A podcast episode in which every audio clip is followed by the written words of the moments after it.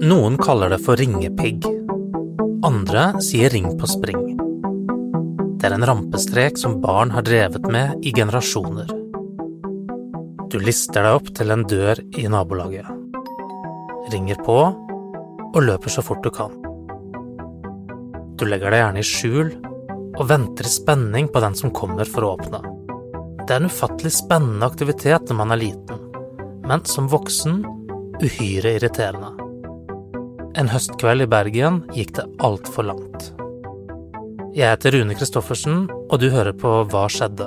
En podkast fra Bergens Tidende. Hanad Ali, du er krimjournalist i BT, og du har eh, jobbet mye med denne saken i det siste. Hva er det den egentlig handler om? Saken begynner med eh, den første meldingen fredag kveld 15. oktober, eh, som da går på en eh, voldshendelse på Gjellestad. Den er litt vag og kort, og kommer ikke helt fram nøyaktig hva det er som har skjedd. Og Den første korte meldingen den kommer jo ganske seint på kvelden, men så neste morgen så får vi vite litt mer om hva som har skjedd, og hva er det som kommer fram da? Da kommer det fram at det har vært en omfattende politiaksjon, væpnet politiaksjon, og at eh, saken dreier seg om grov vold og en siktelse som gjelder grov kroppsskade. Og så kommer det senere frem at eh, det skal ha blitt brukt øks mot ungdommer, og at siktelsen da senere blir endret til drapsforsøk. Mannen i slutten av 30-årene som ble pågrepet fredag etter at han skal ha angrepet en tenåring på Gjellestad med øks, er siktet for drapsforsøk. Det opplyser politiet til TV 2.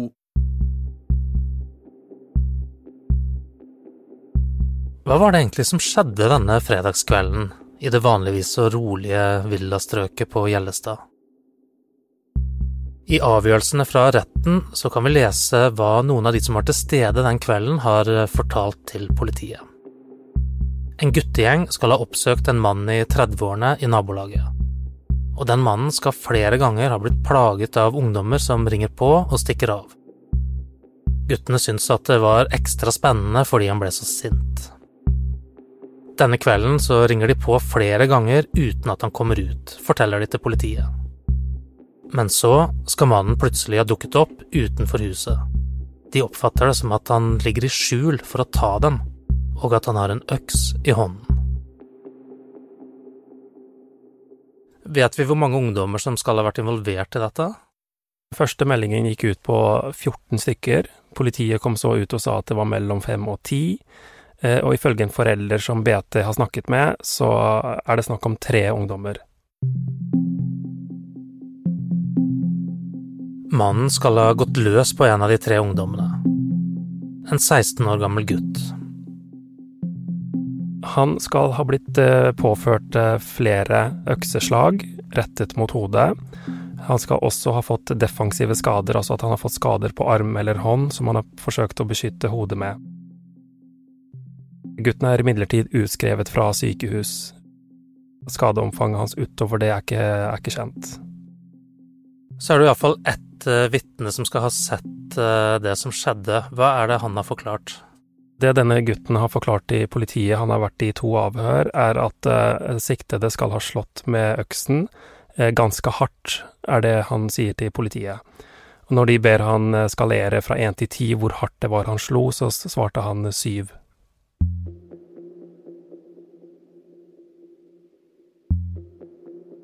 Mannen som blir anklaget for drapsforsøk, har forklart at han flere ganger tidligere har blitt plaget av folk som ringer på døren.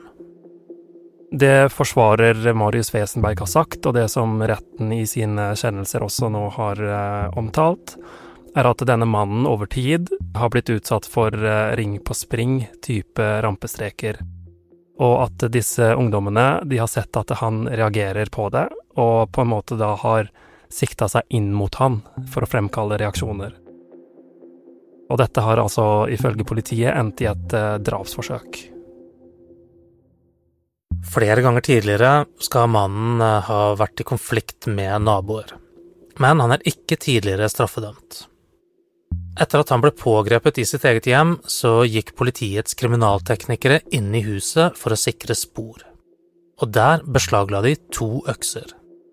Så gikk de til retten og ba om at mannen ble fengslet i flere uker mens saken blir etterforsket av politiet.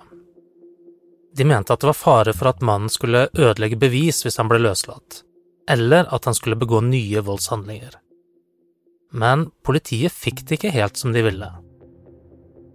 Han ble først varetektsfengslet i en ukes tid. Da politiet forsøkte å forlenge den fengslingen, så konkluderte både tingretten og lagmannsretten at det ikke var fare for gjentagelse. Og da var premisset at han ikke skulle flytte tilbake til sitt eget hjem, men bo hos sine foreldre. Det ville redusere faren for at han skulle bli utsatt for nye rampestreker, og at han da også kunne risikere å begå lignende handlinger. Så det er det han gjør nå, han skal inn og bo hos sine foreldre. Selv om han er eh, løslatt, så er han jo fremdeles under etterforskning for drapsforsøk. Eh, hva sier han selv om eh, det han har gjort? Han erkjenner ikke straffskyld, og utover det så har ikke forsvarer hatt lyst til å si noe mer om det siktede tenker, men forsvareren har understreket ganske tydelig at klienten har blitt utsatt for trakassering over tid og målrettet. Hva slags etterforskning er det politiet har gjort så langt, og hva er det som gjenstår der av arbeid? De har vært der ute med krimteknikere. De har avhørt vitner og innsamlet spor. Det kan nå hende at det snart også blir et eh, nytt avhør av eh, siktede. Han har ikke blitt presentert for den nye siktelsen, altså han, han nekter straffskyld for grov kroppsskade, men ikke blitt presentert for siktelsen som gjelder eh, drapsforsøk. Så det, det avhøret gjenstår fortsatt. Hvilke andre reaksjoner har kommet i kjølvannet av denne saken? Um, vi har jo snakket med en forelder av et av disse barna som var involvert, og vedkommende sier at eh, gutten bør ta lærdom av eh, det som har skjedd, og at han ikke burde ringe på dører på den måten igjen. Samtidig sier jo forelderen at uh, dette var en overreaksjon, og at siktede burde ha ringt politiet isteden, hvis han følte seg plaget av disse ungdommene.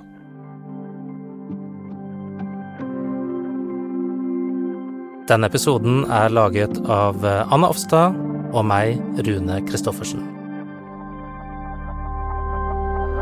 Hvis du har forslag til eh, saker vi bør ta opp, så blir vi veldig glad hvis du sender en mail til hva skjedde at btno.